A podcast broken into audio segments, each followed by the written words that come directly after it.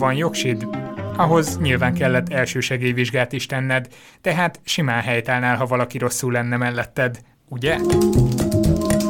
Aki elméletben tanulja meg, egy valós helyzetben sajnos nem tudja ezt alkalmazni, ezt a tudást. Ebben az adásban azt is eláruljuk, hova menj, ha félsz a hirtelen szívmegállástól. Jelenleg milyen elismerés. Magyarországon az alternatív közgazdasági gimnáziumnál biztonságosabb hely nem létezik. A vendégünk Marsi Zoltán lesz az elsősegélynyújtás oktatásáért alapítvány elnöke és az Alternatív Közgazdasági Gimnázium tanára, aki finoman szólva is elhivatott. Én egy fűszában is azt látom, hogy milyen sérülést lehetne ott szenvedni. Ez persze nem hátrány egy olyan országban, ahol A lakosság 5-10%-a az, aki valamilyenféle elsősegély ismerettel rendelkezik. Mindjárt kezdünk, addig is iratkozzatok fel a szertárra a kedvenc podcast alkalmazásotokon. Sziasztok, én Habci vagyok. Én pedig Robi Laci. Végre túl vagyunk a kutatók éjszakáján, köszöntjük külön a Patreonos eh, támogatóinkat. Sziasztok. Sziasztok! Természetesen, hogyha támogattok minket, pár nappal hamarabb is hozzájuthattok az adáshoz. Egyébként semmilyen tartalmi különbség nincs, de nyilván megköszönjük azt, hogyha támogattok minket. A kutatók éjszakája után egy kicsit kifújjuk magunkat. Fáradt a hangod, még hallom. Fáradt a hangom, de szerencsére nem kaptam szívrohamot itt a nagy pörgésben, mert kíváncsi lennék, hogy mi lenne akkor, ha szívrohamot kaptam volna, milyen szép átkötés. Itt van velünk ugyanis a stúdióban Marsi Zoltán, az elsősegélynyújtás oktatásáért alapítvány elnöke, egyébként pedig emellett az Alternatív Közgazdasági Gimnázium tanára. Szia! Szervusz. Szia, Stok, üdvözlöm a kedves hallgatókat. Azzal kezdted, hogyha hülyeséget kérdezünk, akkor majd nem fogsz rá válaszolni. De ha mondjuk az utcán elkapott volna tényleg a szívroham, akkor meg kellett volna ijednem? E, Hát alapvetően, ha ténylegesen szívroham kapott volna el, akkor azt gondolom, hogy meg kellett volna ijedned. Ugye azért kezdtem úgy veletek a beszélgetést, hogyha hülyeséget kérdeztek, akkor nem arra, vagy pontosabban másra fogok válaszolni, mert amikor itt tévében, rádióban vagyok, akkor bizony elég sokszor előfordul, hogy csacsi kérdések merülnek fel ezzel kapcsolatban, de nyilván ehhez az ember hozzászokik és próbál korrigálni. Mit lehet hülyeséget kérdezni ezzel kapcsolatban? Hogy, hogy, hogy, hogy fordítsuk biztonságosan az oldalára az elájult Mit, sérültet, mit ne vagy- kérdezz egy elsősegélynyújtótól című rovatunk Külön következik? topik, Hát ö, alapvetően ugye abból indulunk ki, hogy a hazai lakosság elsősegély ismeretei rettentően alacsonyak. Ugye vannak saját kutatásaink, vannak más szervezeteknek is felmérései. Nagyjából azt látjuk, hogy a lakosság 5-10%-a az, aki valamilyenféle elsősegély ismerettel rendelkezik. Ö, De bocsánat, ezrelék. Ez, ez hogy lehet, hogyha majdnem minden második embernek van jogosítványa, amihez jár egy ilyen elsősegélynyújtási oktatás, vagy valami? Vagy ez nem számít abba bele? Hát erre nagyon egyszerű a válasz. Talán azzal kezdeném, hogy az Alternatív Közgazdasági Gimnáziumban mi nagyjából ö, 15 éve kezdtünk el kifejleszteni egy úgynevezett baleset szimulációs oktatást. Ezt nem mi találtuk ki, tehát nyilván erre voltak nemzetközi példák, de gyakorlatilag úgy tanítjuk az elsősegélynyújtást, hogy életszerűen megrendezett szituációkba helyezzük a gyerekeket. Na most azt látjuk, hogy aki elméletben megtanulta az elsősegélynyújtást, az igazán egy valós helyzetben konkrétan semmit nem tud az esetek döntő többségébe tenni. Nyilván ez egy nagyon összetett dolog. Tehát vannak olyan tényezők, amik pozitívan befolyásolják a segélynyújtást, vannak olyanok, amelyek negatívan. Nyilván pozitív az, hogy mindenki próbálna segíteni. Most a negatív oldalon... Várj, mindenki próbálna segíteni, ehhez képest mindig arról szólnak a hírek, hogy ö, általában csak szelfizgetnek, körbeállják az embert, és Így van, mert most jön ugye a negatív oldal, hogy részben a szakmai tudásnak a hiánya, a gyakorlat hiánya, illetve hát nyilván az, hogy pánikba kerülünk egy ilyen helyzetben. Például nálunk is a, olyan diákok, akik két-három-négy évet tanulnak szimulációs módszerrel, bizony még ők is bizonyos helyzetekben leblokkolnak egy szituációban. Nyilván nem ez a gyakoribb, de minden vizsgálatunk, meg minden tapasztalatunk azt mutatja, hogy igazán az elméleti oktatásnak nagyon szerény jelentősége van. Aki elméletben tanulja meg, hiába tanulja meg kiválóan a könyvet, és tud felidézni minden egyes sort, egy valós helyzetben sajnos nem tudja ezt alkalmazni, ezt a tudást, többek közt azok miatt, amit elmondtam az előbb. Pedig én pont arra gondoltam volna, hogy annyira beleivódik valahogy a tudatalatimba az a most még így nem realizált tudás, például, hogy hogy nyújtsak szívmasszást egy baleset esetén, de hogyha épp oda kerülök abba a helyzetbe, akkor így pák bekattan az agyamba, és rögtön megoldom a helyzetet. De engem ez nyugtat, de akkor Hát mellette se fogok összeesni. Akkor Persze ez volt nem... az első csacsi kérdés. Tehát ugye azt mondtad, hogy hogyan nyújtsak szívmasszást egy baleset esetén. Na most egy baleset esetén nagyon ritkán fordul elő hirtelen szívhalál, vagy más keringés megállás. Az is, akkor Tehát ugye ezt újraélesztésnek hívják. Az újraélesztést azért szeretjük idézőjelbe, bármilyen furcsán hangzik ez, mert a légzés megállás az relatíve egyszerűen megállapítható, és ha valakinek légzés megállása van, akkor egyértelmű, hogy mit kell csinálni, akkor ugye el kell kezdeni az újraélesztést, aminek van négy-öt lépése, amit könnyű megtanulni. Az összes többi esetben, amit említettél például egy közlekedési baleset, nyilván valakinek van egy vérző sérülése, ott már egy csomó mindent mérlegelni kell, hogy milyen volt a baleseti mechanizmus, milyen további sérülései vannak, ezek a össz vagy többi sérüléssel együtt milyen lesz a beteg állapota, hogyan romlik, tehát ez már jóval bonyolultabb, ezért mondtam azt, hogy az újraélesztés a legegyszerűbb. Itt egy fekete-fehér iránymutatás van, amit követni kell. Mondod, hogy fekete-fehér iránymutatás, de időnként felröppennek a hírek arról, hogy most az új protokoll az az, hogy azonnal ezzel kezdj, azonnal azzal kezdj, nem kell befújni, be kell fújni, milyen gyakorisággal. Tehát ennyire fekete-fehér akkor, hogy Azt ez kell mondjam, a hogy ez egy, árnyalata? Ez viszont egy nagyon jó kérdés volt, ami mást érint, úgyhogy két részletben válaszolnék. Az újraélesztési protokoll, amit a, az Európai Újraélesztési Társaság, illetve a Magyar Újraélesztési Társaság ad ki, átlagosan 5 évente frissül. Legutóbb 2015. decemberében frissült. 5 évente újraélesztik. Ez feketén-fehéren kimondja, hogy mit kell tenni. Az, ami időnként felreppen, az egy másik problémára hívja fel a figyelmet, nevezetesen arra, hogy Magyarországon rettentő kaotikus az elsősegi oktatás. Nincs megszabva az, hogy ki oktathat, mit kellene oktatni, hogyan kellene oktatni.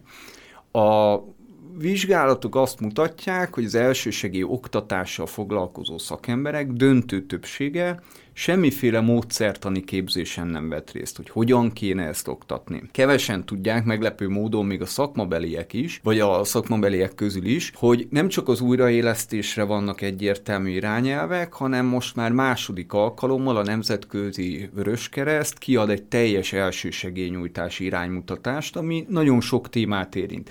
Az ö, való igaz, és más kérdés, hogy egy csomó ellátásnál leírják azt, hogy tudományosan még nem bizonyított, vagy, vagy vagy egyáltalán nem bizonyított, de azt, hogy mik azok a lépések, amelyek elfogadottak és alkalmazni kellene, az, az egyértelműen le van írva. E, az elején beszéltünk arról, hogy mindenki vizsgázik e, jogosítványhoz.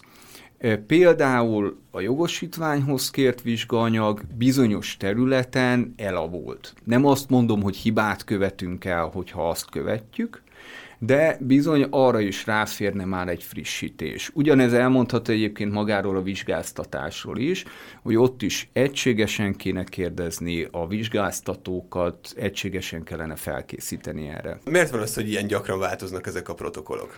Nem változnak gyakran, öt évente változnak, nagyon sok oka van, én kettőt emelnék ki. Az egyik ok az, hogy tudományosan vizsgálják ezeket az ellátási sorokat, és nyilván nézik, hogy a gyakorlati életben mennyire működik, mennyire nem. Nagyon komoly kutatások vannak. A másikok, amit kiemelnék, hogy egyszerűen az oktatásokat le kell egyszerűsíteni. Nem lehet rettentő sok dolgot megtanítani a laikusnak, mert nem fog megmaradni. Ugye a megkérdezni... Jogsíra meg szüksége lenne. Emlékszem, amikor mentem vizsgázni, ott az előttem levőtől kérdezi, hogy ugye beköti a sebet, ugye? Tehát körülbelül így ment át. Tehát például a, az újraélesztésnél maradva, ugye még mindig keringenek ilyen információk, hogy púzust kell tapintani, stb. Az újraélesztési protokoll az idéni, vagy az idén, tehát a 2015-ös is a korábbi évhez képest egy lépéssel rövidül. Tehát egyre uh-huh. kevesebb lépés kell, pont azért, hogy egyszerűbb legyen ezt megtanulni. Meg volt is valamilyen felmérés nemrégiben, hogy egészségügyi dolgozókat vizsgáltak, hogy mennyire tudják, meg megállapítani a púzust, és nagyon rosszul szerepeltek. Hát ugye ez hivatalosan úgy hangzik, hogy valóban voltak arra irányuló vizsgálatok, hogy keringés zavar esetén, tehát kifejezetten, hogyha a keringés nem működik rendesen, akkor milyen valószínűséggel tud egészségügyi dolgozó púzus tapintani, és valóban alacsony arány, de azért ez a mostanában, ez nagyjából 8-10 évvel ezelőtt Ups. volt ez a A fülét kezdte el vajon, vagy? Nem, csak gondolom nem, nem érzi kellően, hogy... E, így van, vagy hibásan érzékeli. Alapvetően az egészségügyi dolgozóknál is azt látjuk, hogy a, az alapszintű elsősegélynyújtás ismereték, tehát amikor eszköz nélkül kéne mondjuk az utcán, tehát nem kórházi körülmények között segítséget nyújtani, bizony ott is van még fejlesztendő terület. Azt mondtad, hogy a Vörös Kereszt időnként kiad új ajánlást, ez kihez jut el akkor? Tehát mondod, hogy, hogy annyira gyatra itt az oktatás, meg a módszertan hiánya, meg minden felrúlt itt a magyar egészségügyre, vagy oktatásra, de akkor kihez beszél a Vörös Kereszt? A Nemzetközi Vörös Kereszt adja ki ezt az állásfoglalást. Mi ezt a honlapunkon, az elsősegély.hu rendszeresen publikáljuk, mind a tudományos háttérét, mind pedig az aktuális információkat. Mielőtt azt gondolnánk, hogy Nyugat-Európában annyira rózsás a helyzet, azért azt is el kell mondanom. Ez lett volna a következő hogy kérdésem. Nyugat-Európában sem feltétlenül jó, amiben több ország előttünk jár, Ausztria, Németország, bizonyos szempontból Franciaország, hogy ott a közoktatásba bekerült ez. És ez egy nagyon fontos lépés. Nyilván ez az első lépés, aztán a következő, hogy ott is egy olyan módszertani hátteret adjanak ennek, ami működőképessé teszi. Ugye ezt is elmondtam, hogy igazán baleset szimulációval lehet a leghatékonyabban, de azt gondolom, hogy ki lehet választani négy-öt, és nem több, mint négy-öt olyan területet, amit érdemes iskoláknak tanítani. Ezt nagyon fontos elmondanom, hogy szeptember második szombatján volt az elsősegélynyújtás világnapja, amikor az alapítványunk az Országos Mentőszolgálattal, a Magyar Oxilológiai Társasággal és a Magyar Újraélesztési Társasággal közösen kiadott egy iránymutatást az iskolai elsősegélynyújtással kapcsolatban. Itt gyakorlatilag két oldalban foglaljuk össze azt, hogy mit kellene tanítani. Tehát itt még csak a mitre tértünk rá. Ingyenesen elérhetők óratervek, feladatlapok a honlapunkon, ugye az elsősegély.hu, amit már említettem, és nyilván a későbbiekben próbálunk módszertani javaslatokat vagy támogatást is adni. Szintén ezen az említett napon, az elsősegélynyújtás világnapján hoztuk létre az elsősegély referencia iskolákat, amiket hát most kapacitásunk függvényébe fél évente próbálunk bővíteni, és ugye az együttműködő iskolák, az alapítványal együttműködő iskolák kapnak eszköztámogatást, illetve módszertani támogatást, tehát az ott lévő pedagógusoknak szervezünk, vagy védőnőknek, mert nem csak pedagógusokat képzünk, módszertani kurzusokat. Ezekre mindjárt visszatérünk, most jön egy rövid szünet, aztán innen folytatjuk.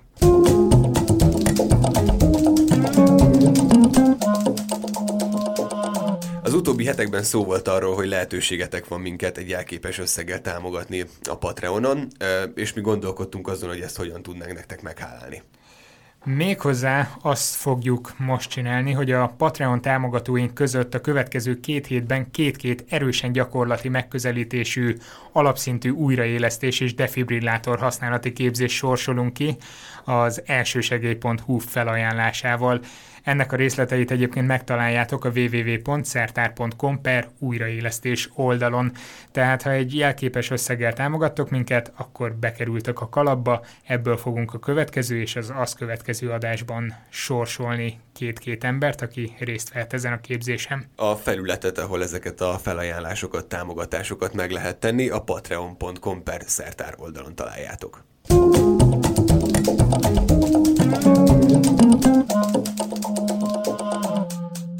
A szünet előtt Marsi Zoltánnal kezdtünk el beszélgetni, aki az első segélynyújtás oktatásáért alapítvány elnöke, illetve az Alternatív Közgazdasági Gimnázium tanára, és szó volt arról, hogy az AKG-ban elég régóta, 15 éve szerveztek ilyen szimulációs ö, versenyeket?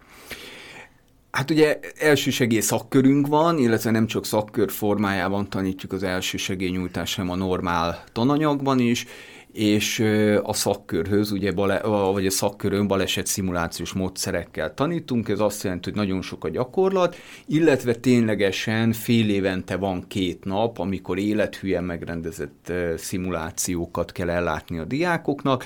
Ez úgy néz ki, hogy három kategóriában tanulnak segélynyújtást, kezdő, haladó, prémium, és mindegyik kategóriában... Kezdő, haladó, prémium! prémium. Neve mi, Mit tud a prémium kategória? a ismerést, erre is válaszolok, csak még az előző kérdésre befejezném a választ. Tehát ez egy kétnapos rendezvény, ahol mind a három kategóriában gyakorlatilag 12-15 baleseti szimulációt látnak el. Ez egyébként nyitott, mind az iskola, mind az elsősegély.hu oldalon meg szoktuk hirdetni minden iskolának, hogy akár jöhetnek nézőnek, illetve beszéltünk itt már a referencia iskolákról, ők például versenyzőnek jönnek, és hát gondoljatok bele, hogy egy olyan prémium csoportos, aki gyakorlatilag mondjuk négy éve tanul, ő részt vett idáig nyolc darab ilyen versenyen, az 8-szor 15 darab élethű szituációt jelent. Plusz gondol... a felkészülések. Igen, tehát gondoltuk bele, hogy ez milyen gyakorlatot ö, jelent. De ezen gondolkozom, ez menny... mit jelent az élethűség itt, meg az a hmm. baleset szimuláció? De nagyon-nagyon-nagyon rákészülnek, sminkel, minden. Van Tehát nekünk van, van külön egy baleset szimuláció szakkörünk, akik két dologgal foglalkoznak leegyszerűsítve, a sminkeléssel, tehát hogy hogyan kell élethű sminkelés, vagy sminkeket készíteni, illetve, hát, hogy csúnyán fogalmazzak, színészettel, tehát hogy hogyan kell ellátni. Az nagyon fontos, hogy sokan úgy képzelik el, hogy van egy ilyen sérült, és akkor az ott pánikol, meg kiabál, meg minden ilyen. Hát ez Hol nem így van. Nyeszöbb. Ez nem így van. És nagyon fontos megtanulni ezeknek az úgynevezett imitátoroknak, hogy az állapotváltozás hogyan következzen be. Például egy vérző sérültnél, ha nem emelik fel a lábát, nem fektetik sok fektetésbe, akkor mennyi idő múlva veszítse el az eszméletét, vagy ájuljon el. E, ezt ők abszolút És profi módon. a színészeknek ezt tudni kell, hogy 5 perc múlva, hogyha nem emelik fel a lábam, akkor én most álljak. Ezeket hívjuk imitátoroknak. Imitátor, igen, igen jobb is tudni lesz. kell nekik, tehát többek közt ezt is, de akár egy epilepsziás rohamot ellátni, egy megemelkedett, vagy éppen lecsökkent vércukorszintet, tehát hogy ezeket ők mind megtanulják, de azt is, hogy például a betegvizsgálatnál hogyan sziszenjen fel, amikor pont a Aha törött vagy sérült testrészéhez érnek hozzá. Hol lehet jelentkezni a imitátornak? Én megyek azonnal. Tartunk vagy külsős lehet, iskoláknak is, így van, tehát hogy a referenci iskolák évente, vagy referenci iskoláknak ké, évente kétszer szervezünk, ezek vidéken vannak, ugye hmm. ez egy nagyon fontos célkitűzésünk, hogy most már ne Budapestre, vagy ne csak Budapestre koncentráljunk, hanem eljussunk a fővároson kívül is. Azt említetted az előbb, hogy az már megvan nagyjából, hogy mit kéne oktatni, a módszertanokkal áll még hadilában a magyar elsősegélyoktatás?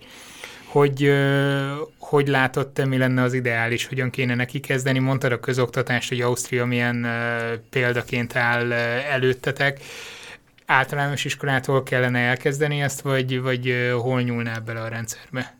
Óvodától kellene elkezdeni. Ez egy nagyon összetett kérdés hogy Szeretem leegyszerűsítjen, nekünk most jelenik meg egy módszertani könyvünk, ahol több mint 400 oldalon taglaljuk ezt, hogy hogyan is kéne ezt csinálni. Ugye, Ez pedagógusoknak szól? Vagy... Pedagógusoknak, illetve egészségügyi dolgozóknak, tehát ne felejtsük hogy az egészségügyi dolgozók közt is nagyon sok olyan van, aki oktat, például a védőnők iskolákban. Mi gyakorlatilag a teljes palettát lefedjük, tehát óvodáskortól vannak már kiadványaink, és aztán most jelent meg az iskolásoknak szóló, ez egy három kötetes, gyakorlatilag már kisiskolásoknak, és aztán megyünk tovább a középiskolások, illetve a szakközépiskolások felé. Módszertani kiadványokból is vannak kisebb terjedelmeink, 100-150 oldalasok, például a baleseti szimulációról, de a fő mű, hogy úgy mondjam, az a közeljövőben, vagy inkább azt mondom, hogy 2017 tavaszán fog megjelenni. Ha módszertani kérdésbe megyünk bele, egyetlen egyet emelek ki, tehát most nyilván nem akarok sokat elmondani, Például hogyan értékeljük egy elsősegély nyújtás tanuló diáknak a munkáját. Ugye alapvetően az iskolából egytől ötig értékelünk.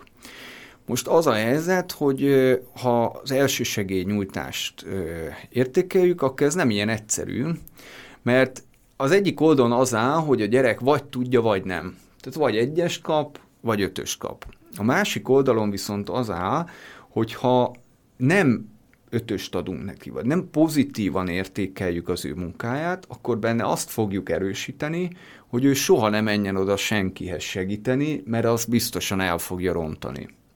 Tehát ez egy nagyon-nagyon ingoványos és összetett talaj, és szerintem ezt most a hallgatók is érzik, amiről beszéltem, hogy erre nem lehet így instantba válaszolni, hanem bizony ezt, ezt át kell gondolni, és nyilván erre szolgálnak a módszertani anyagok. De szerintem ez ott van mindenkiben, hogy most oda merjen menni, vagy nem merjen menni. Megvan mondjuk valakinek a jogosítványhoz szükséges elsősegélyvizsgája, valahol érzi magában, hogy oké, okay, átment, ugyanakkor érzi magában azt is, hogy azért vagy inkább áttolták, vagy, vagy inkább nem nyúl hozzá, abból baj nem lehet. Tehát mi az, amit javasolnál egy laikusnak egy baleset esetén, hogy miután rögtön kétségbe esett, mi legyen a következő lépés? Miután kétségbe esett... Vegy elő a telefonját, szelfizzen egyet a... Azután. Nem, nem azt javasolnám. Tehát ö, én három dolgot mindenképp javasolnék, amit mindenki meg tud csinálni szerintem. Nyilván először meg kell teremteni a biztonságot, tehát ne kezdjen el ott ugrálni úgy, hogy esetleg ő maga is veszélybe kerül. Nyilván ha arról van szó, akár állítsa le a forgalmat, vonjon be segítőket, ez egy nagyon fontos dolog. Nem, hogy a segítők bevonása, bocsánat, hogy beleszólok, az általában úgy szokott kinézni, hogy hirtelen megáll mindenki körben, és adja a tanácsokat, hogy ezt csináld, azt csináld. Szerintem látunk... nem mozdítsuk el, szerintem húzzuk arrébb, szerintem Jó, ezt tehát látunk ilyet is, olyat is. A biztonság megteremtés az egy nagyon fontos dolog. Nem csak laikusok, hanem mentősök, tűzoltók, rendőrök is szoktak megsérülni közlekedési baleset helyszínén, hiába vannak jól látható fényvisszaverő ruhában, mert hogy nem történt meg rendesen a helyszínbiztosítás. A második lépés a tájékozódás legyen. Hogy nézze meg, hogy hány sérült van, ha nem is ért hozzá nagyon, de azt nyilván meg tudja állapítani, hogy most ezek súlyos sérültek, vagy nem súlyos sérültek.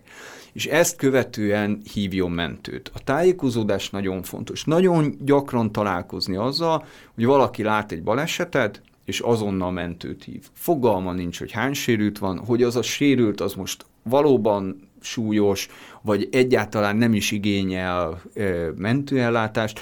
Ugye itt még nem beszéltünk elsősegélynyújtásról, itt még csak három olyan kulcsfontosságú dologról beszéltünk, amivel életet lehet menteni. A biztonságnál megmenti a saját életét, vagy a bámészkodó okoskodókét, a tájékozódásnál megmenti akár a sérültnek az életét, mert be tudja jelenteni a mentőknek, hogy hopp, ő egy súlyos sérült, azt látom, hogy erősen vérzik, nem mozdul, stb. stb.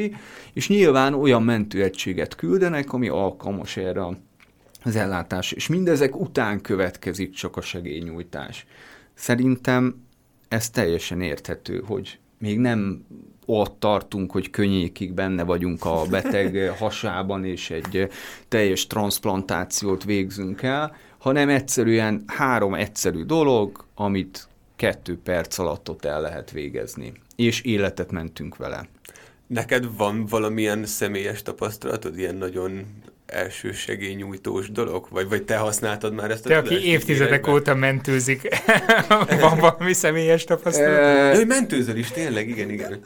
Hát én nagyon ritkán, és ugye nyilván oktatási ö, ö, szempontból üzöm ezt, Természetesen van, tehát ez a kérdés mindig elhangzik. Ugye a másik kérdés, ami elhangzik, hogy ugye én hol kaptam azt a pszichés sérülést, hogy ilyen irányba mentem el, ilyenkor mindig el szoktam keseríteni a, meg a, a kérdezőktől, hogy nem emlékszem olyanra, tehát ez csak így spontán jött. Ugye azt kell mondjam, hogy én egy ilyen szempontból nagyon furcsa helyzetben vagyok. Mi rengeteg oktatást tartunk munkahelyeken, más iskolákban, versenyeket szervezünk. Ugye az iskolai versenyek.hu-n minden évben most már öt kategóriában hirdetünk elsősegélyversenyt, de segítkezünk a mentő dolgozók versenyén, mentő hallgatók versenyén, sürgősségi osztályok versenyén. Tehát én gyakorlatilag azt kell mondjam, hogy több ezer baleseti szituációnak írtam meg a forgatókönyvét és értékelő lapját különböző szinteken, úgyhogy mindig ki kellett találjak valami extra ötletet. Tehát ha például úgy tennétek fel a kérdést, hogy amikor én a gyerekeimmel közlekedem az utcán, vagy sportolunk, vagy kerékpározunk, akkor az én agyam kattog-e mindenféle extrém dolgokon, akkor kattog? azt mondanám, hogy igen, kattog. Tehát, hogy én egy fűszában is azt látom, hogy milyen sérülést lehetne ott ö, ö, szenvedni. Tehát ez például egy olyan kérdés lenne, ha már tényleg a lelkembe látnátok. Nem gondoltuk, hogy így van, aki minden nap ilyesmivel foglalkozik, azért csak átalakul egy kicsit az agya talán erre. Szerintem most egy kicsit beleláttunk a lelkedbe, hírkvíz első fordulója után mélyebbre ásunk.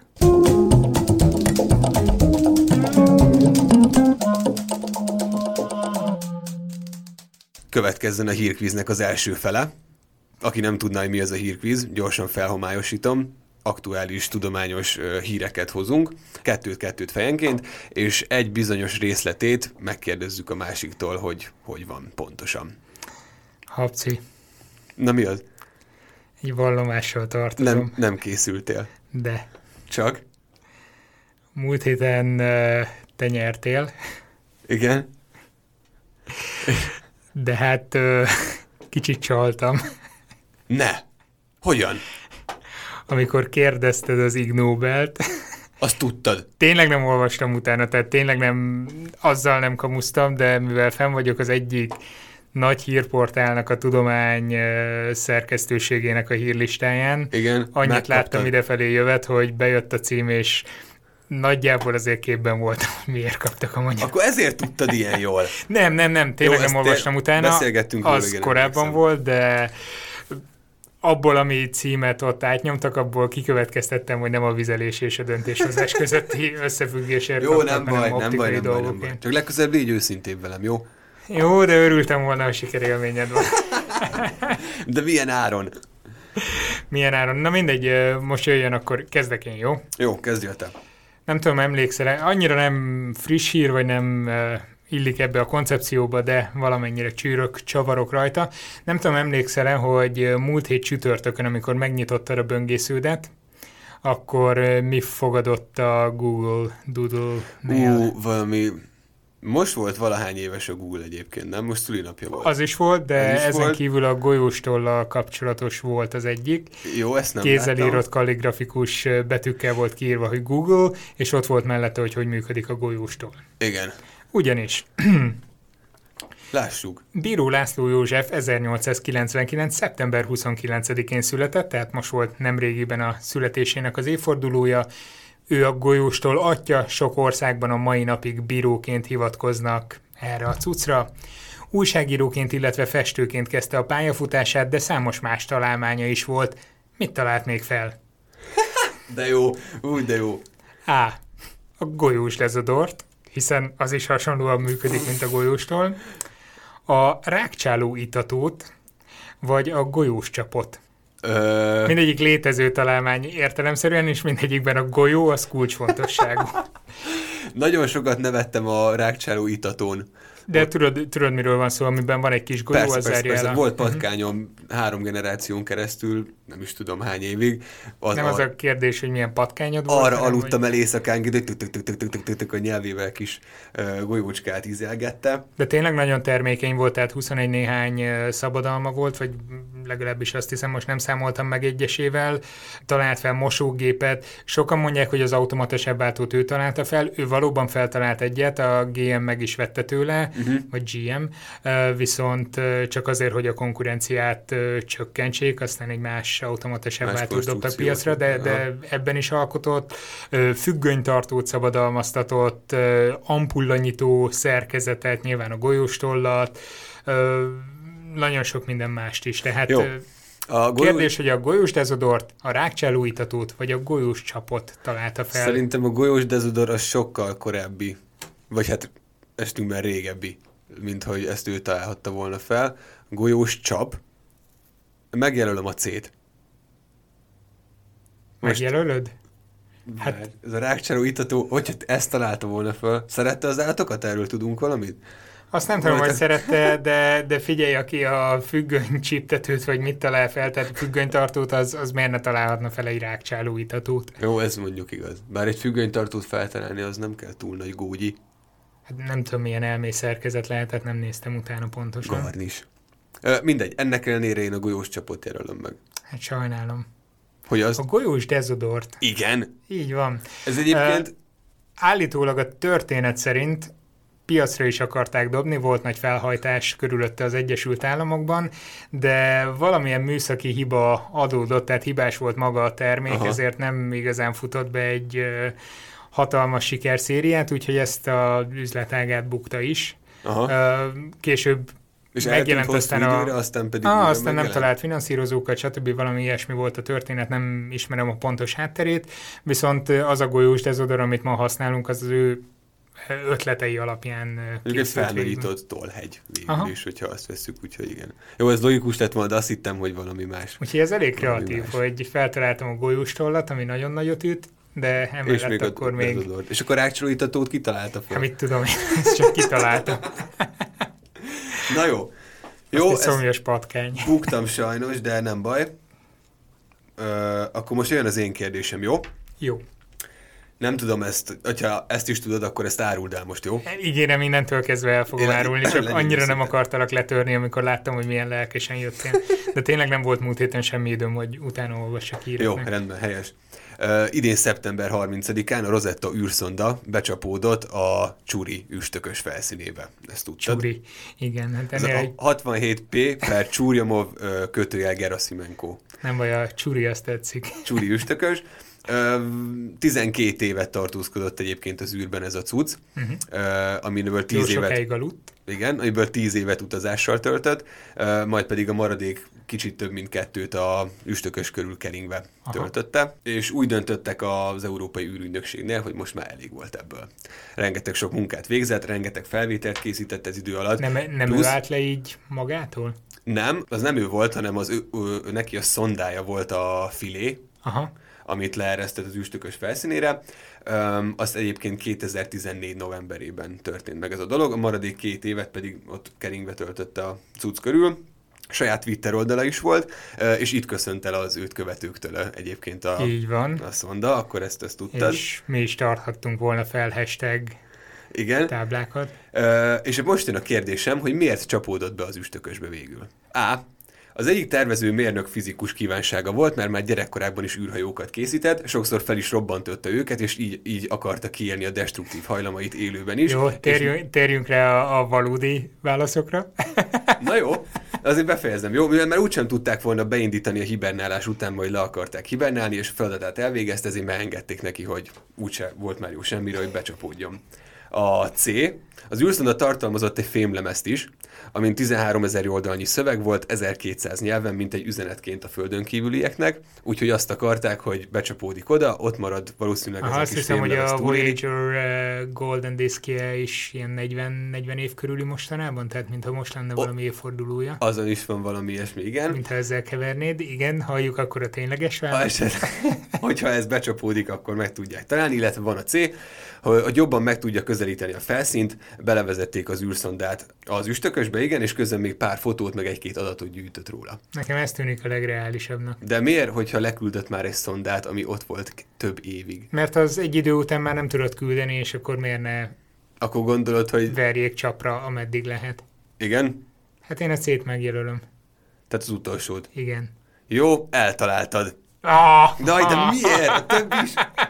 Hát ez tűnt a leglogikusabbnak most az, hogy egy NASA mérnök kiélje a destruktív hajlamait. Hát szerintem ez tök jó. Én legalábbis megengedtem volna neki, hogyha lett volna valamilyen kívánsága. Jó, mondjuk azt hiszem, hány milliárd dollárt költöttek el erre az egész projektre? Valami rengeteg sokat, úgyhogy lehet, hogy nem, nem, nem, hagyhat, De nem az, hagyták ez volna. a siker. De ez, hogy keverem, ez nem igaz, mert ebbe is volt egy ilyen cucc.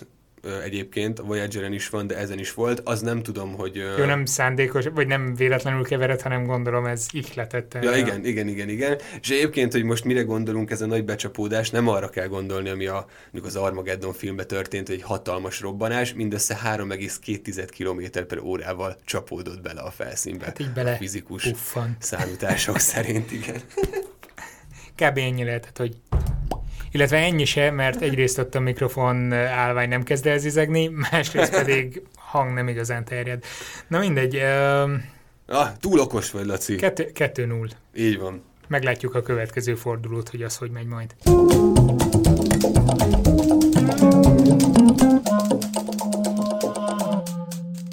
Ez volt a hírkvíz első fordulója, rövidesen következik majd a második, de hát itt ül még velünk a stúdióban Marsi Zoli, aki Akinek épp a lelke mélyére ástunk. vagy Akinek a lelke-. Elsősegély nyújtó részének legalábbis a mélyére ástunk. A diákjaid beszámoltak már olyanról, akik mondjuk prémium kategóriában versenyeznek rendszeresen, hogy hazafelé menet épp előttük volt egy baleset és sikerrel élesben is alkalmazták a dolgokat, vagy valami hasonló bevetésen, bevetésben volt részük? Meg egyáltalán itt nem tudom, milyen élménnyel távozik egy ö, elsősegélynyújtó diák egy ilyen éles helyzetből, mert nem feltétlenül pozitív. Ez az én Hát kérdésem. azt hiszitek, most itt elhangzott két vagy három kérdés, hát legalább 15 kérdésnek hallottam ezt a két vagy három kérdést. Természetesen számolnak be ilyenről, rendszeresen, ugye vannak azok az extrém esetek, amikor éjszaka hívnak fel, hogy valami szórakozó helyen vannak, és ez történt, ezt látják, és szerintem mit csináljanak. Ahelyett, hogy Eh, mentőket hívnak? Ezek mindenképp pozitívak, én kevésbé élvezem most már, tehát tíz évvel ezelőtt még ez olyan büszkeséggel töltött el, most már megfontolom, hogy minden éjjel bekapcsolva hagyom-e a telefont. Tehát, hogy abszolút számolnak be, és azt kell mondjam, hogy tehát engem a legnagyobb büszkeséggel azt tölt el, amikor ezeken a baleset szimulációs versenyeken látom, hogy ők milyen profin látnak el. És ilyenkor el szoktam mondani nekik is, másoknak is, hogy hát én simán rájuk bíznám az életemet. Tehát azt gondolom, hogy jelenleg. Magyarországon az alternatív közgazdasági gimnáziumnál biztonságosabb hely nem létezik. Én megmerem kockáztatni, hogy ebbe akár még az egészségügyi intézményeket is beleértem. Gondoljunk bele, hogy nálunk van 60-80 professzionális elsősegélynyújtó, akik már minden kipróbáltak a gázrobbanástól kezdve az autóbaleseten keresztül a repülőgép lezuhanást, tehát ennél biztonságosabb nem lehetne, És azért el kell mondjam azt, hogy mi megvalósítjuk azt, amit szerintem világviszonylatban is nagyon kevesen, nem csak a baleset szimulációs oktatást, hanem azt, hogy a szakköröseink az újraélesztést hat havonta ismétlik. Ez egy nagyon fontos dolog. Nem olyan, Nálunk mint a biciklizés, hogy nem lehet elfelejteni. Haladó és prémium csoportban már alkalmazunk úgynevezett szoftveres újraélesztést, amikor ugye számítógépre kötjük rá a babát, és már nem csak én okoskodom, hogy ez jó, nem jó, stb., hanem egy szoftver egyértelműen kimutat 18 paramétert, Eltörte hogy mi az, ami... Jó, hát most a bordatörés ilyen szempontból lényegtelen, mert ha te választhatnál, hogy inkább halott maradsz, vagy törött bordával ö, rendeződik a keringésed, akkor lenne egy fogadásom, hogy melyiket választanád. Viszont Tehát... sok ember ilyentől is tart, vagy legalábbis szólnak erről a hírek, lehet, hogy nem ettől tart, de erre fogja, hogy nem akar olyan kárt okozni, ami után még a végén őt fogják mm. perelni. Még egyszer azt mondanám, amiről itt már műsor elején beszéltünk, bármilyen morbidan vagy furcsán hangzik, az újraélesztést azért szeretjük, mert egyértelmű a protokoll. Azért szeretjük, mert nem tudunk nagyobb kárt okozni a bajba jutottam. Tehát annál nagyobb baj, mint hogy nincs légzése, vagy keringése, vagy a kettő együtt nincs, ennél nagyobb baj nem lehet, azt gondolom és innentől kezdve viszont nem hibázhatunk. Nem véletlenül fogalmaz úgy a protokoll, és szintén erről beszéltünk a műsor első felébe, hogy időnként felröppen a hír, hogy kell befújásos lélegeztetést végezni, vagy sem. Protokoll egyértelműen mondja, hogy aki tanulta, az végezzen. Nyilván ebből az következik, hogy tanítani is kell, mert ha nem tanítjuk, nyilván nem fogják tudni.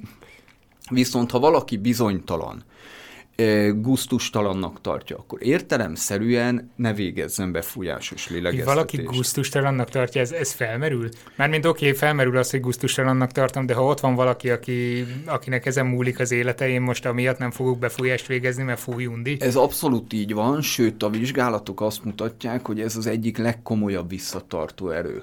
Tehát, hogy lehet, hogy ő tudja a protokollt, melkas kompressziót is végezne, de fél attól, hogy egy vadidegennek befújjon. A munkahelyi oktatásaink tapasztalata az, hogy aki tanult újraélesztés gyakorlatban, családtagon mindig elkezdi, és közvetlen kollégán is nagy százalékban elkezdi. Tehát az, az nem életszerű, és ki kell mondjuk, hogyha valaki tanul újraélesztést, nem életszerű, hogy az utcán egy vadidegenhez oda menjen és elkezdje.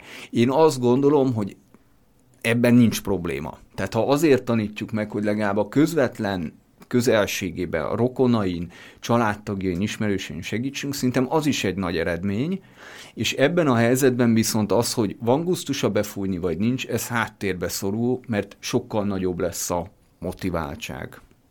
Azt mondtad, hogy az AKG a világ legbiztonságosabb helye, vagy legalábbis Magyarországon. Van legveszélyesebb hely? Hát ezt most pontosítsuk, mert nem értem ezt a kérdést. Ö, hogy a mik világon... azok a helyzetek? Nem, mik azok a hely... Jó, nyilván a világon vannak veszélyes helyek, de mondjuk Magyarországon normál életvitel szerint, amikor közlekedik az ember, hol érzed, hogy a legnagyobb veszélyben vagy, hogyha ne adj Isten egy hirtelen szívleállás következik be Nyilván, ha egyedül vagy otthon bezárva egy kamrába, igen, de mondjuk vonaton mekkora az esélyed, hogy valaki elsősegélyt nyújtson, vagy egy tömött plázában, vagy hol, vagy nagyobb veszélynek kitéve. Lehet, hogy hülye volt a kérdés, de szerintem kivágod ebből magad. Legalábbis igyekszem. Szerintem alapvetően teljesen mindegy, hogy hol vagy, nagyon kevés helyen tudnak segítséget nyújtani. A munkahelyeken mindenhol kötelező a munkavállalók számának megfelelő létszámú elsősegélynyújtó biztosítása. Tehát ez egy elengedhetetlen ez, dolog. Ez, ez mi ez a szám? Ez jogszabályban is megadott, ez sok mindentől függ, ez egy nagyon elavult szabályozás, ami egyébként hatályon kívül van, de amíg hatályon kívül van, vagy nincs új helyett, addig iránymutatónak tekintendő. Egy munkahelyen nagyon sok szempont alapján kell ezt meghatározni. Például, hogy milyen a munkakör veszélyessége, hogy milyen távolságra van mentőállomás, vagy egészségügyi intézmény, tehát hogy ez nagyon összetett kérdés. Alapvetően 50 munkavállalóként, leegyszerűsítve 50 munkavállalónként egy segélynyújtónak kellene lennie. Tehát elvileg a munkahelyen is biztonságban lehet az ember, nagyon szerencsére egyre több pláza, pályaudvar van, ahol van defibrillátor, és például a biztonságiak ki vannak képezve erre. Van már olyan bank Magyarországon, ahol mindegyik bankfiókban van defibrillátor. Van egy EU-s szabvány, amely kimondja, hogy a repülőtereken, illetve a repülőkön mindenhol kell legyen képzett személyzet, sőt a repülőtereken már kell, hogy legyen 5 percnyi távolságra defibrillátor. Hm. Tehát ha nyilván egy nagy repülőtérről beszélünk, akkor több defibrillátor. Alapvetően sehol nem vagyunk biztonságban, illetve nagyjából mindenhol. ne, nagyon szép sumázata volt az egésznek, viszont tételezzük fel, hogy valaki hallgatja ezt az adást, a két-három ezer állandó hallgatónkból az egyikben valaki. most felötlik az, hogy úristen, én már kiöregettem a közoktatásból, hogy majd oda bevezetik újonnan az elsősegély oktatást, jogsit nál, amikor kellett, azon átmentem, de azóta se használtam. Hol tudom én felfrissíteni? Ha elolvasom a honlapotokon a cuccokat, attól én még nem leszek gyakorlott szakember. Az elsősegély.hu-n érdemes a képzések menüpontra kattintani, és akkor ott a munkahelytől kezdve a laikusoknak akreditált képzések, nagyon sokféle képzésünk van. És visszajelzések szerint hányan vannak, akik jelentkeznek is ezekre a képzésekre, vagy mekkora az érdeklődés? Nagyon alacsony. Laikus képzés nagyon ritkán jön össze, munkahelyi értelemszerűen. Várj, van akkor ezek szerint, hogy én jelentkeznék, és azt mondjátok, hogy bocsi? Így van, tehát hogy nagyon kevés laikus jelentkező van, őket alapvetően valamelyik munkahelyi vagy egyéb képzésünkhez, OK és képzéshez, vagy akreditált képzéshez szoktuk ö, ö, társítani. Hát munkahelyi képzés nyilvánvalóan sok van, mert ez kötelező, és ezt ellenőrzik.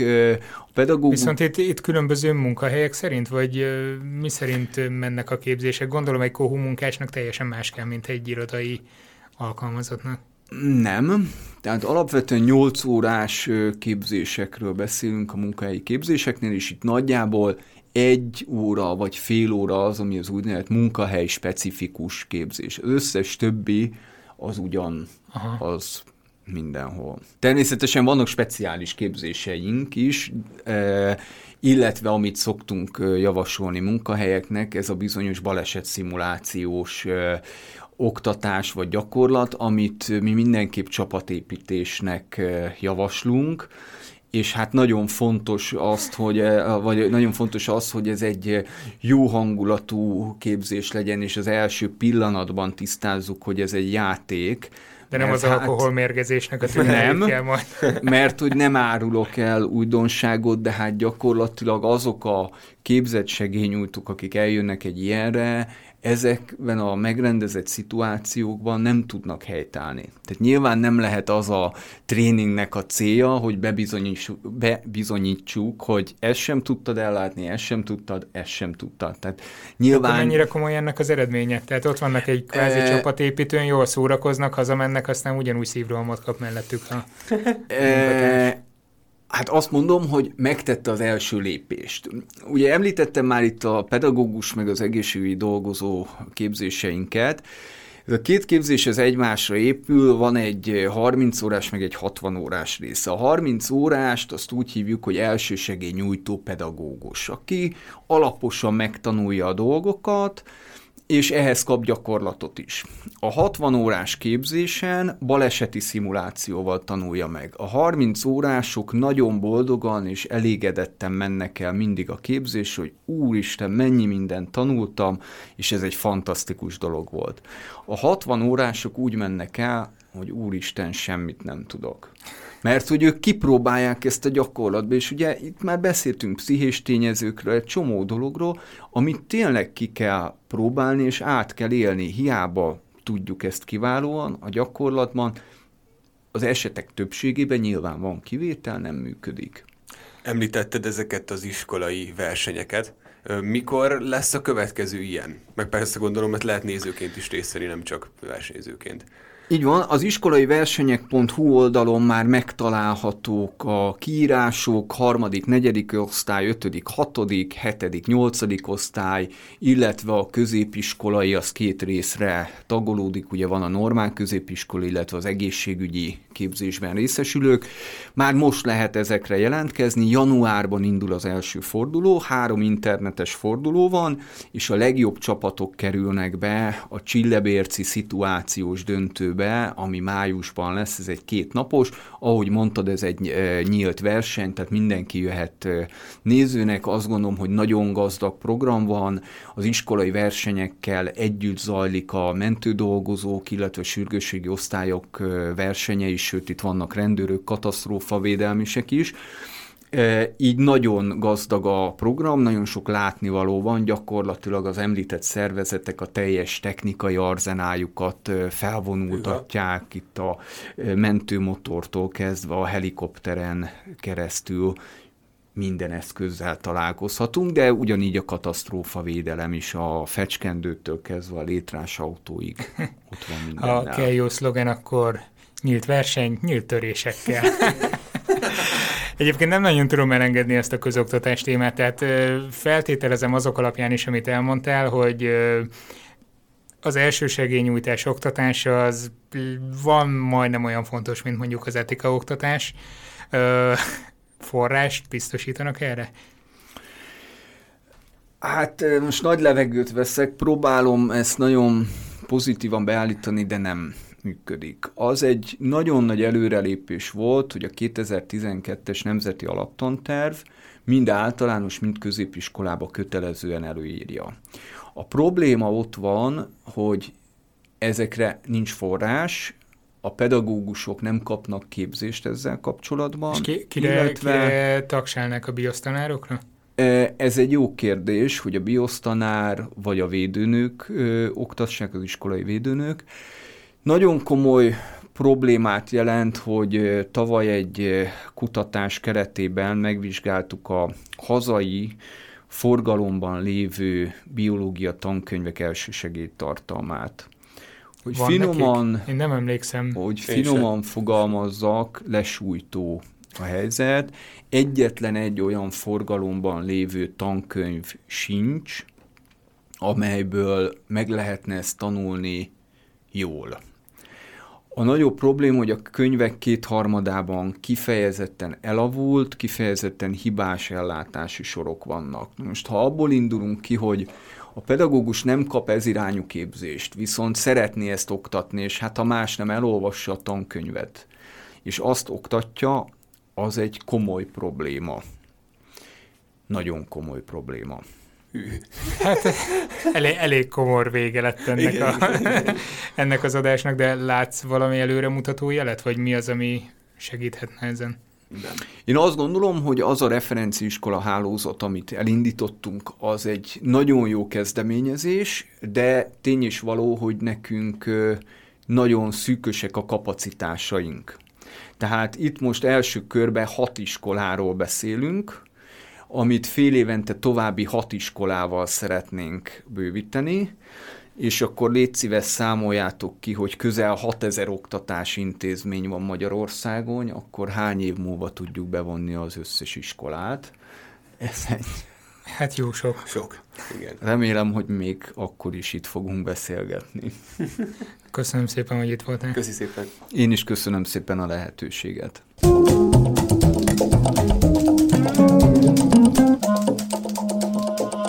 Készen állsz a visszavágóra? Igen, bár most kicsit lekonyultam, mert sikertelen volt ez a két. Kettő 0 volt az állás, ugye ezt azért vezettük be ezt a számozást, hogyha az egyikünk eltalálja, akkor ő kapja a pontot, ha nem, akkor a Szorosabb másik. No, Na, bizonyára hallottál a Kickstarteren a Fidget Cube-ról, ami fenomenálisan hasító kampányt. Talán. Tudod, az a kocka, amit lehet babrálni igazság szerint nem jó semmire, csak ilyen babra, babra kocka Nyomogatni lehet? Meg nyomogatni lehet, kapcsolgatni, ja, igen, tudom, mozgatni. Igen, tudom. Ö, ott 5 millió 465 ezer, vagy még annál is több amerikai dollárt sikerült rá összeszedni, ezzel 36.439%-kal túl teljesítette az elvárásokat. Na de megnéztem, hogy a tech rovatban mik azok, amik még kiemelkednek, és az egyik nagyon tetszett. Na lássuk. Tehát a Kickstarter tech kampányok között messze kimagaslik egy kényelmi szerkezet, nyilván nem annyira, mint a Fidget Cube, de azért ez se rossz. Már ami a gyűjtés sikerét illeti, az alkotók 25 ezer dollárt szerettek volna összekalapozni a találmányukra, ehelyett sikerült több mint 860 ezret összedobatni rá a 6500 támogatóval, ezzel 3459%-osra teljesítették a kitűzött célt. Mi volt ez a kényelmi szerkezet? Ez egy nanotechnológiás erogéllel töltött szuperkönnyű mamusz, szuperkönnyű és szuperkényelmes. B. Egy rugalmas polimerhálóból álló, a szerkezetét mindig megőrző párna. Vagy C. Egy szenzorokkal fűtő, fitness és multimédiás megoldásokkal felokosított sapka. Na jó. Um, az utolsó, az lehet, hogy el tudom képzelni, hogy kitaláltad most a kutatók éjszakás szerkódos eseményen felbuzdulva támadt egy ilyen ötletet. Ez nem így történt, hanem az alapján kerestem rá, hogy van ehhez hasonló a Kickstarteren, és így találtam Jó, igen, meg. nyilván. Tehát szenzoros sapi. Ez a mamusz, ez nekem nagyon tetszik. De nem tudom, hogy... Szuper könnyű, szuper tehát ezzel az aerogéllel van megtöltve, Aha. az egész ilyen három gram talán, és körbeveszi a lábadat, és állítólag, tehát a videója alapján ez ilyen pihepuha és szuper kényelmes, ráadásul cuki is, ilyen hosszú kis szőrszálak. Miben különbözik mondjuk egy, mik azok a mamuszok, ezek a nagyon undorító, olyan műanyagból vannak, színesek, krokszok. Gondolom nem izzad bele a lábad, vagy nem tudom, de Aha.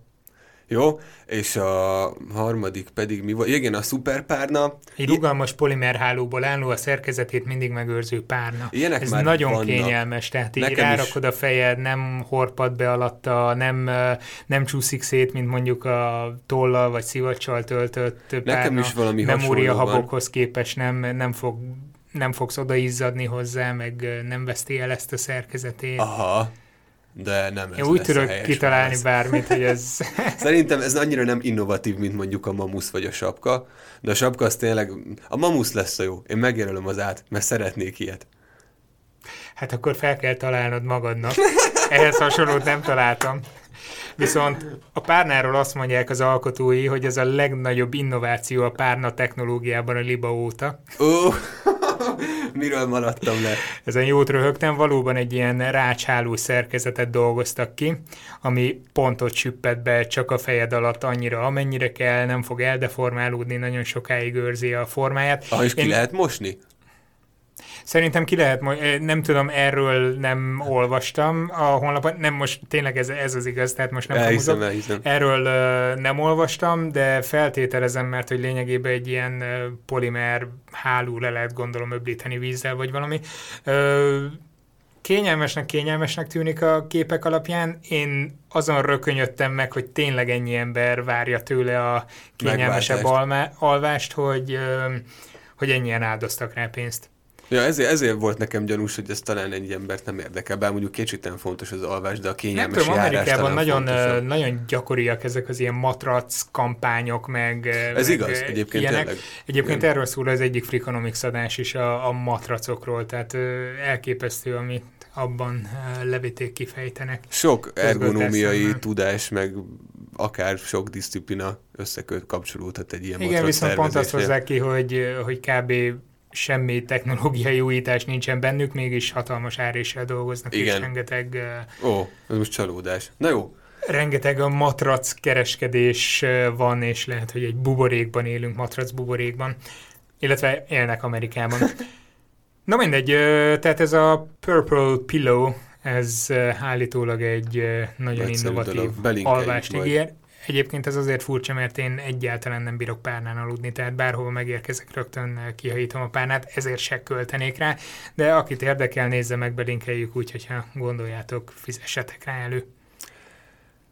Hogyha párna, meg fej, akkor én most egy agyas kérdést hoztam, hogy az agyad is kényelmesen pihenjen éjszaka. Um, Azért igazából az aktualitása annyira nem is fontos. Lényegében egy interjút találtam egy, a világ legnagyobb agybankjának az egyik dolgozójával, mert hogy vannak ilyenek. Agybank. Agybank, pontosan. Öm, lényegében ez a Harvard Egyetemnek egy ilyen ö, tároló része, ahol csak és kizárólag emberi agyakat ö, tárolnak, és onnan szortírozzák szét mindenféle kutatócsoportoknak, meg Azt hittem, aki hülye, az kap egyet. Vagy Hannibalnak, hogy a repülőn el tudja eszegetni, aki látta a filmet. Én szeretem um, mondjuk a velőt. Ö, mi az spiritósan jó. Uh-huh. Igen, úgy én. Mondjuk embert még nem ettem, tudod, félek a prionoktól. Ö, igen, szóval vannak arcok, akik ezzel foglalkoznak egy életen át, hogy emberi agyakat gyűjtenek be, és ö, mindenféle dolgokat csinálnak velük.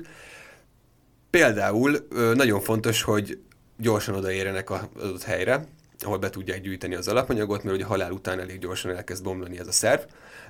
Ezután a zsákmány ketté vágják, az egyik felét le, felszeretelik és lefagyasztják, ezt különböző DNS vizsgálatokra fogják majd küldeni, a másik felét pedig formalinba helyezik. Uh-huh.